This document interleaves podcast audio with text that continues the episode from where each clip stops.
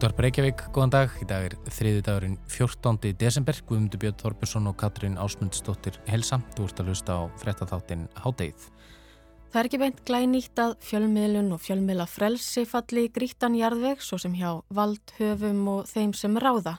Þegar letið til hlutverksfjölmiðla sem er að upplýsa, miðla, rína og veita þeim sem valdið hafa aðhald, likur það kannski augum uppi að ekki allir kunni gott að meta hvað þetta varðar.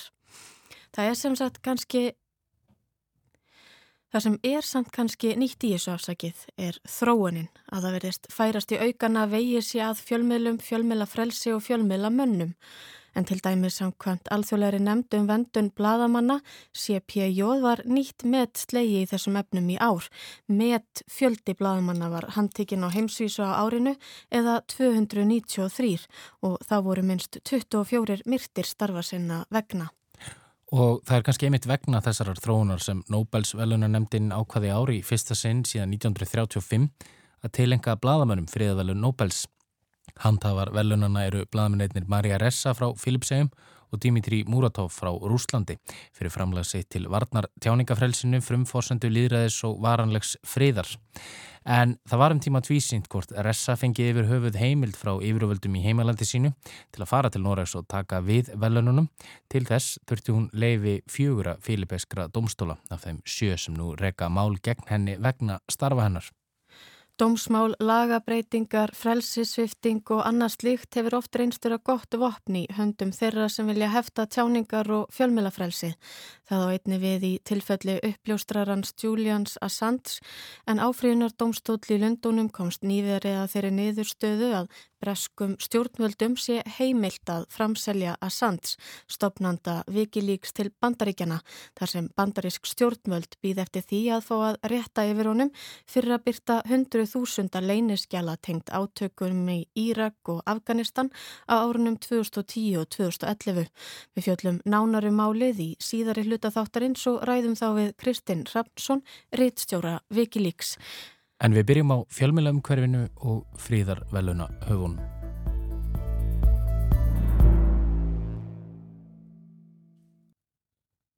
Við höldum áfram að fjalla um réttin til þess að deila upplýsingum eða frálsa fjölmjölun, ætti kannski frekar að segja. Áfríðunar domstóll í Lundunum komst að þeirri nýðustöðu á förstu daginn. Sama dag og bladamennir Marja Ressa og Dimitri Muratov tóku við fríðarvelunum Nobels í Oslo að breskum stjórnvöldum væri heimilt að framselja ástrálska bladamannin og uppljóstraran Julian Assange til bandaríkina.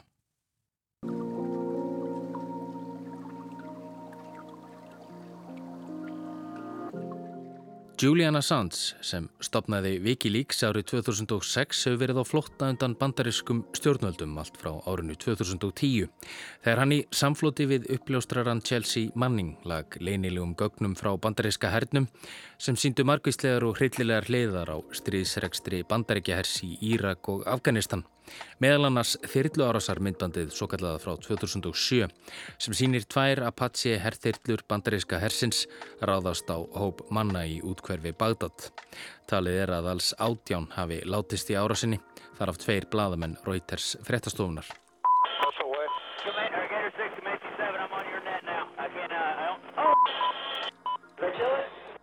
Stjórnvöld í bandaríkinum hafa grímu löst sóst eftir því statt og stöðut að fá Assange framseldan til bandaríkina til að rétta yfir honum þar. Hann varði sjö árum í sendiráði Ekvadors í Lundunum sem skuti yfir hans skjólshúsi og sveipuðu diplomatískri friðhelgi frá 2012 til ásins 2019 þegar svo friðhelgi heyrði sögunni til. Lögregla tók þá að Sands höndum og í kjölfarið ákjærðu bandarísk stjórnöld hann í fjölmörgum ákjæruliðum og notuði meðal annars til þess njóstnalögjöf frá árinu 1917. Assange er nefnileg ekki uppljóstrari eða bladamadur í augum bandaríkjastjórnar, heldur pólitískur hriðverkamadur sem sé munfremur njóstnari en bladamadur.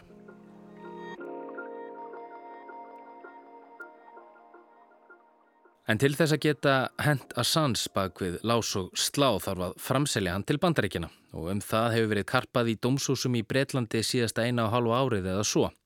Milli réttarhalda fær Assange að dúsa í hennu allræmda Belmars fangelsi þar sem hilsu hans hefur farið hrakandi. Í sumar höfnuðu dómarar í undirrétti framsalskröfu bandaríkjastjórnar á þeim fórsöndum að lífi og heilsu að Sands væri ógnaði í bandarísku fangelsi en geðlagnar höfðu metið það svo að þar geti hann tekið sitt eigið líf. Lögmenn bandaríkjastjórnar áfríðu og á förstu dag snýri áfríðunarétturinn við niðurstöðu hérastóms frá því í sumar.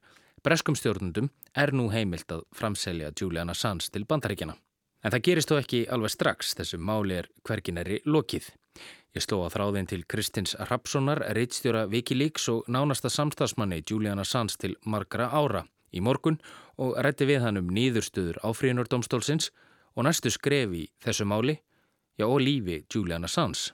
Nýðurstað dómara á fyrstu dag vakti mikla aðtilli því að uh, dómarar í áfríðunarrétti byggja engungu á þeim svo góðluðu diplomatísku tryggingum sem að bandarækjastjóta lagði fram um það að það hefði farið vel með Julian Assange þá og þegar og ef hann hefði fluttuð til bandarækjana uh, settur þar í varðhald og síðan dæmdur og mögulega í fangilisist og það langa. Þessar diplomatísku tryggingar eða lofórð bandarækjastjórnar sem Kristinn talar hér um eru þrænskonar. Í fyrsta lagi lofar bandarækjastjórn því að Julian Assange þurfi ekki að afplána dómsinn í hennu allrænda öryggisfangilsi ATX Florence í Colorado. Í öðru lagi að bandarækin myndu ekki beita Assange einangrunarvist eða því sem að ennskri tungur kallað SAM eða Special Administrative Measure þar sem fengum er haldið í nær algjöri einangrun allan sólarhengin. Í þriðja lagi felur lofvort bandarækjastjórnar það í sér að Assange geti fengið að afplána dómsinn í heimalandi sínu, Ástralju. Kristinn Rapsson gefur lítið fyrir þetta. Ekkert af þessu heldur vatni. Í fyrsta lagi þá er ekki hægt að fara fram á að afplána í Ástralíu þessum heimalandi fyrir að allar, eh, allir möguleikar áfríðuna hafa verið eh, full eh, tæmdir í bandaríkjunum og það getur tekið 10-20 ár. Í öðru lagi þá er þessi svo kallu SAM eða SAMS einangrunar úræði einungis eh, eitt úrraði af mjög mörgum það sem að eh, fangar eru settir í einangur. Það heitir bara öðru nöfnum. Uh, og hverjum tíma þá eru 20.000 fanga í einangur í bandaríkjunum einungis nokkur hundruð undir þessu skilgareinda úrraði sem að kallast Special Administrative Measures eða SAM. Uh, í þriðalagi að þá eru nú eiginlega velflest fangils í bandaríkjunum þannig útbúin að þar er hægt að skella menn í, í einangrun og býsta slemma vist uh, án þess að, að menn séu sendir til þess að öryggisfangilis í, í eh, Colorado þar sem eru innir vestur hriðurska menn og glæbamenn hýstir eins og El Capo uh, og Unabomber og, og, og fleiri þekktir glæbamenn.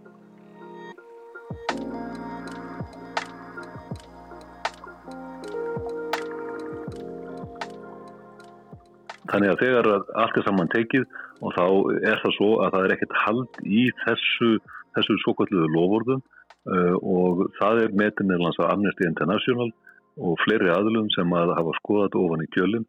Þetta eru úrræði og lofór sem er ekkert að byggjandi á. Þessu utan má benda á það sem var dreyið fram í réttasal í Breitlandi að slík lofar hafi verið gefin áður og, og, og þau hafi verið þær brotinn. Þannig að þetta er nú svo veruleiki sem að kemur út af þessum einkennilega uh, úrskurði í áfriðanrétt í hægkort í Lundunum og veikið náttúrulega mikið vonbriði. En eru þessi fáru fyrirheit bandaríkjastjórnarum að farið verði vel og mannúlega með Julian Assange í bandarísku, nú eða áströlsku fangilsi, nú til þess að áfyrirjunardómstólinn snúi við fyrir úrskurði? Já, í raun er úrskurðurinn aðeins sáum að þetta séu nægilega góð rauk til þess að bresk stjórnöld megi framselja sans. Áfrýnarétturinn er aðeins að meta niðurstöðu læra domstegs. Og það er rétt að það er ekki uh, amast við megin niðurstöðu uh, hérastóms að öðrleitinu því að því viðsnúið sem að hérastómi kemst að, að eða magistrate court að Uh, uh, uh, heilsu Julians í hættabúin og hann mun ekki þóla tilflutning, jæfnvel fréttur tilflutning til fangelsa í bandaríkjónum. Eina sem áfæðingarinn gerir er að, er að snúa við þessari, þessu úrskurði á grundvelli þessara svo kvöldu lofarðu. Það var einnig áfríða, bandaríkjónum áfríða einnig í öðrum liðum sem ekki var tekið undir í, í, í úrskurði High Court þar meðal því eh, sem bandrækjum vildi fónd nekt þar að segja því mati að, að Julian Assange væri við slæma andlega hilsu uh, og að uh, sá seffræðingur breskur sem mat hans svo væri óáriðanlegur og var ekki á því hans mati byggjandi. Það undir það tekur ekki, ekki hægkort í Breitlandi. Áfrínardómstólinn fjælst á það mat að Julian sé við mjög báborna helsu og honum sé að óbreyttu hætta búin í bandarísku fangelsi. En þau fallast á þau rauk að bandarækjastjórn hafi sett fram fullnægandi tryggingar fyrir því að fari verið vel með hann. Því hafa mannúðarsamtök á borð við Amnesty International andmælt. Undir þetta eh, tekur enginn sem hefur skoðað þessar sókullu tryggingar sem ekkert haldir í samkvæmt mati sérfræðingar. Nú er þetta áfríðin domstól, þetta er mitildómstig. Hver eru næstu skref núna hjá Julian Assange og hans lögfræði teimi? Eh, það er tvíþætt. Í fyrsta lagi verður þessum úrskurði hérna í hægkortu skotið með hraði til eh, hættirætta Breitlands til þess að hérna, fá honum nekt, PC. Það tekur einungis fá að vikur. Verður það ekki leift að þá við málið aftur formlega leið til hér að til endur ákvörðan og dóms og þá skapast ofnun og tækifæri fyrir, fyrir Julian og hans lögmenn að byggja um uh, áfrýjun á þeim fórsöndum Eh, sem að þá fer annars hingi dómskerfinu í land. Þessu máli er því hvergineri lokið. Gæti það ég vil tekið langa tíma í viðbútt og að sans verið inn út úr réttarsal næstu árin. Kristinn telur að svo sé og hann kallar þetta refsingu í gegnum dómsferli.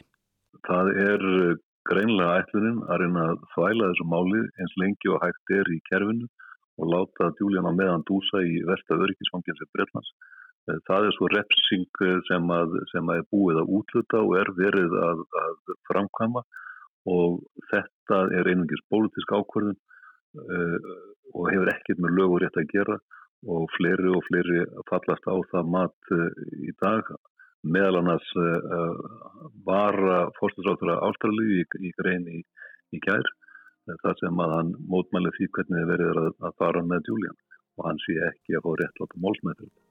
Barnaby Joyce var að fórsetis ráþara Ástrala, sem Kristinn talar um hér, byrti í gær grein í nýju dagblöðum, þar sem færðir eru rauk fyrir því að Julian Assange eigi að vera áfram í Breitlandi, eða þá að honum verði gert kleift að snúa aftur til heimalandsins, Ástralíu.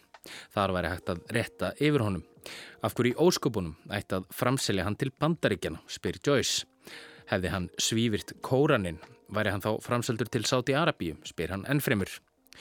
Um þetta hverfist einmitt kjarni málsins. Julian Assange verður mögulega dæmdur í bandaríkunum fyrir glæp sem var ekki framinn í bandaríkunum fyrir það að deila leinilegum skjölum sem síndu grimdarverk bandaríska hersins á erlendri grundu. Þið sjáu kannski kaltænina hér.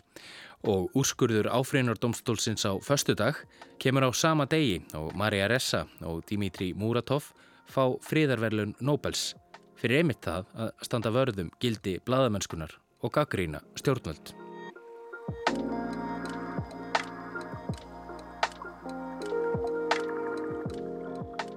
Skilabúin er óskaplega skýr. Við hér á Vesturlundum erum tilbúin til að gaggrína og, og stiðið bakið á ofsóktum bladamennum svo fremið sem að ofsóknunar eru að höndum aðila sem að ekki til er okkar svo kallega vinabandalagi. Það er sjálfsvegar mjög nötulegt.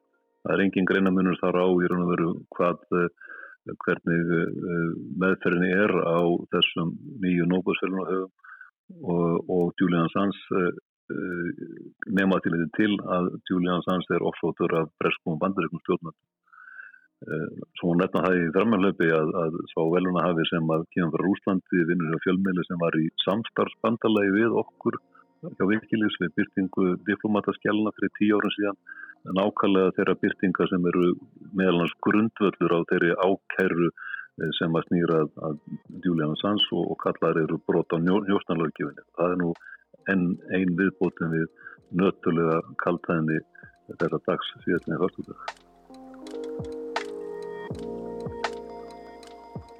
Bara alveg í lókin, Kristinn, farið svo að, að Assange og hans lögfræði teimi hafi betur í sinni áfríun til hvað úrraði getur bandarækistjórn greipið þá? Gefast þeir ekki upp?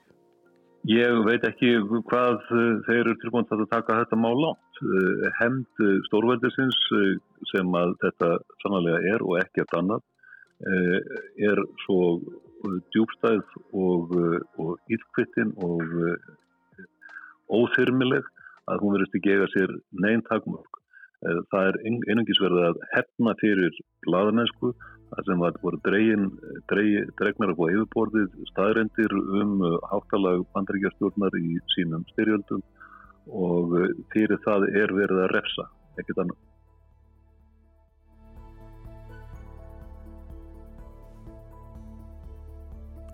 Saði Kristinn Rapsson, rauðstjóri Wikileaks, en hádegið er á enda í dag. Við verum hér aftur á sama tíma á morgun. Þennan þátt og alla hérna er hægt að lusta á öllum helstu hlaðvarpsveitum og í spilaranum á rúf.is. Verið sæl.